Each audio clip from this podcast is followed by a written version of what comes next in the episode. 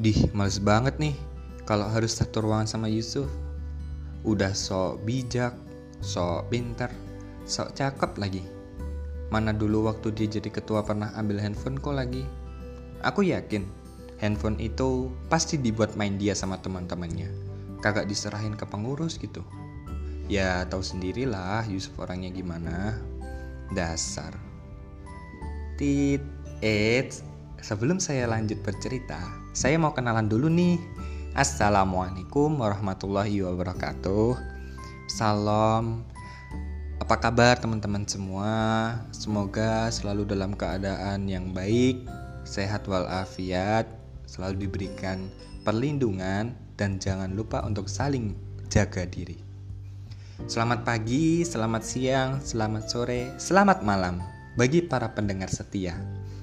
Saya Muklis Ardi Pratama, seorang manusia biasa yang kebetulan terjaring menjadi salah satu fasilitator Breaking Down the Walls pada saat ini. Nah, Breaking Down the Walls sendiri merupakan suatu pelatihan di mana mengajarkan 12 nilai dasar perdamaian yang menerapkan sistem tandur di dalam penyampaiannya. Nah, pada kesempatan kali ini teman-teman, saya akan menyampaikan nilai yang kedua, yaitu mengenai prasangka. Apa sih prasangka itu? Prasangka adalah kita membuat keputusan sebelum mengetahui fakta yang relevan mengenai objek yang kita bicarakan. Nah, teman-teman, prasangka ini merujuk pada penilaian berdasarkan ras. Ras seseorang sebelum kita memiliki informasi yang benar, yang fakta, di mana bisa dijadikan berdasar dijadikan dasar penilaian tersebut. Nah, teman-teman, lalu apa sih faktor-faktor yang menimbulkan adanya prasangka sendiri? Nah, faktor-faktor yang biasanya menimbulkan adanya prasangka ialah yang pertama, pengaruh pribadi. Mungkin punya dendam pribadi atau dia punya masalah sendiri, itu bisa menjadi salah satu faktor. Yang kedua, pendidikan atau status sosial seseorang. Yang ketiga, pengaruh pendidikan orang tua kepada anaknya. Yang keempat, pengaruh kelompok atau geng. Yang kelima, pengaruh politik. Yang keenam, pengaruh komunikasi, dan yang terakhir ialah pengaruh hubungan sosial. Nah, dari sifatnya sendiri, prasangka ini dibagi menjadi dua. Dibagi menjadi dua ya teman-teman. Jadi prasangka yang baik atau bisa disebut dengan khusuzon dan prasangka yang buruk atau bisa dibilang dengan suuzon. Nah, kita tidak boleh teman-teman e, berprasangka buruk kepada teman kita. Nah, kita harus sebisa mungkin mencegahnya agar tidak ada timbul rasa prasangka yang buruk pada diri kita kepada orang lain. Gimana sih cara mencegahnya? Nah, saya ada ini beberapa tips yang bisa kita lakukan untuk mencegah berprasangka kepada orang lain. Yang pertama ialah melalui kontak langsung. Jadi kita bertemu, kita bicarakan. Gue nggak suka sikap lo yang kayak gini gini gini. Ini gimana caranya supaya uh, kita bisa berdamai dengan orang yang kita ajak atau mungkin yang membuat kita terganggu gitu. Nah, yang kedua, mengajarkan kepada anak-anak kita. Ya, yang punya anak saat ini atau mungkin yang punya adik, bisalah. Nah, kita ajarkan untuk uh, memiliki sifat tidak membenci. Begitu. Yang ketiga, mengoptimalkan peran orang tua, guru, individu dewasa yang uh, menurut anak-anak itu dianggap penting atau teladan.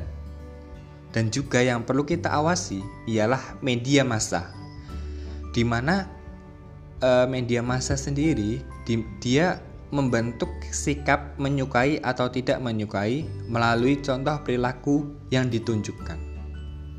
Dan yang keempat, ialah menyadarkan individu untuk belajar membuat perbedaan tentang individu lain.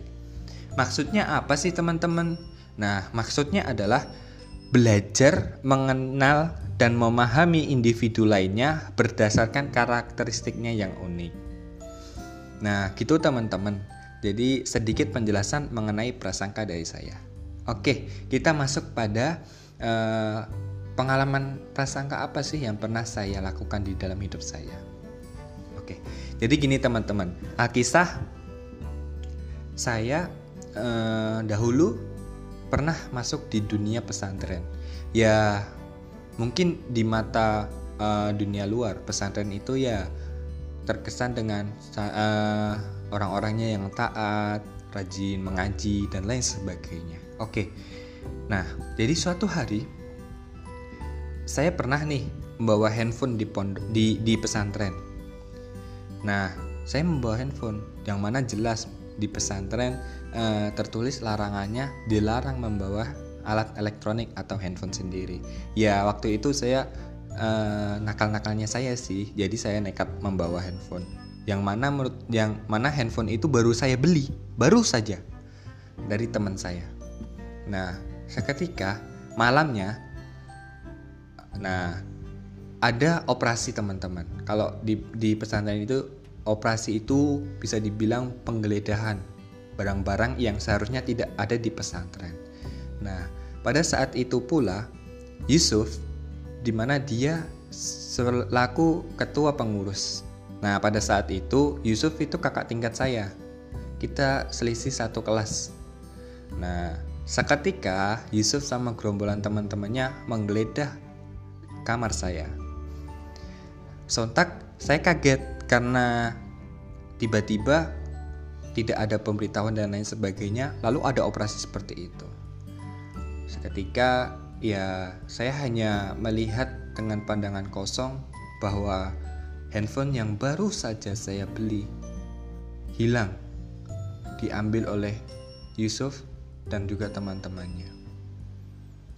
Sejenak semuanya sunyi karena ketika itu saya juga ngerasa down gitu. Baru beli eh tiba-tiba udah disita kayak gitu. Selang beberapa saat setelah Yusuf dan teman-temannya melakukan operasi itu dan pergi meninggalkan kamar saya.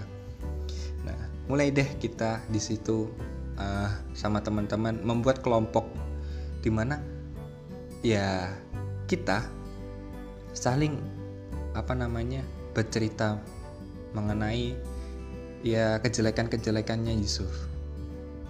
Dari mulai rasa saya tidak terima handphone saya yang saya baru beli, terus di mana sampai pokoknya keseharian Yusuf yang jelek-jelek kita bicarakan.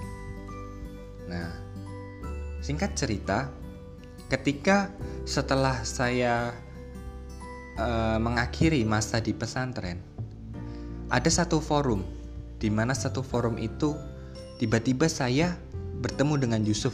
Yusuf juga ada di forum itu. Nah, kita satu ruangan. Seketika uh, saya duduk di belakang, Yusuf ada di depan gitu. Nah, langsung dalam benak hati saya teringat masalah masa lalu ketika handphone saya diambil oleh Yusuf sama teman-temannya ketika operasi. Nah, dalam hati kecil saya bilang, "Dih, males banget nih kalau harus satu ruangan sama Yusuf. Udah dia orangnya sok bijak, sok pinter, sok cakep lagi. Mana dulu dia pernah jadi ketua Mana waktu jadi ketua dulu dia pernah ambil handphoneku lagi. Aku yakin handphone itu pasti dibuat main dia sama teman-temannya. Kakak diserahin ke pengurus. Ya tahu sendirilah Yusuf orangnya kayak gimana. Dasar, muka dua. Nah sampai seperti itu teman-teman. Uh, nah lalu uh, setelah beberapa waktu setelah pelatihan itu atau forum yang saya ikuti sama Yusuf itu selesai, di akhir acara saya sama Yusuf, Yusuf mendatangi saya. Dia memberi salam kepada saya. Nah, lalu dari situ kita bercerita tentang masa di pondok. Ya mungkin awalnya saya berat dalam artian ya kayak berpikir negatif. Yang ada di otak saya itu negatif tentang itu semua. Tapi setelah jujur setelah kita saling terbuka nah akhirnya saling tahulah kita. Di situ ya benar mungkin salah saya juga sudah melakukan kesalahan di dunia pesantren bahwasanya membawa handphone. Dan yang membuat saya lega adalah handphone yang yang disita oleh Yusuf sama teman-temannya di, diberikan kepada pengurus serius. Jadi diberikan kepada pengurus beneran tidak dimainkan oleh Yusuf sama teman-temannya. Dari situ entah kenapa setelah saya terbuka dan sering bercerita tentang dunia dunianya di pesantren saya saya jadi semakin dekat dengan Yusuf. Bahkan sampai sekarang pun ke mana-mana hampir selalu sama dia. Nah jadi itu teman-teman sedikit cerita atau pengalaman saya mengenai prasangka bisa kita ambil hikmahnya kan teman-teman. Ketika kita bisa uh, meluangkan waktu ketika kita bisa berdamai sebentar saja kepada diri kita kita uh, tanyakan kepada orangnya langsung bagaimana responnya? Nah sampai akhirnya kita bisa saling dekat seperti ini. Kayak gitu teman-teman. Ya mungkin itu teman-teman sedikit penjelasan saya mengenai prasangka dan sedikit pengalaman saya yang semoga bisa menjadi pembelajaran bagi saya pribadi dan umumnya kepada teman-teman semua. Mungkin cukup itu yang dapat saya sampaikan uh, jangan lupa untuk kita berbuat baik pada hari ini kepada orang lain. Terima kasih. Wassalamualaikum warahmatullahi wabarakatuh. Sampai jumpa.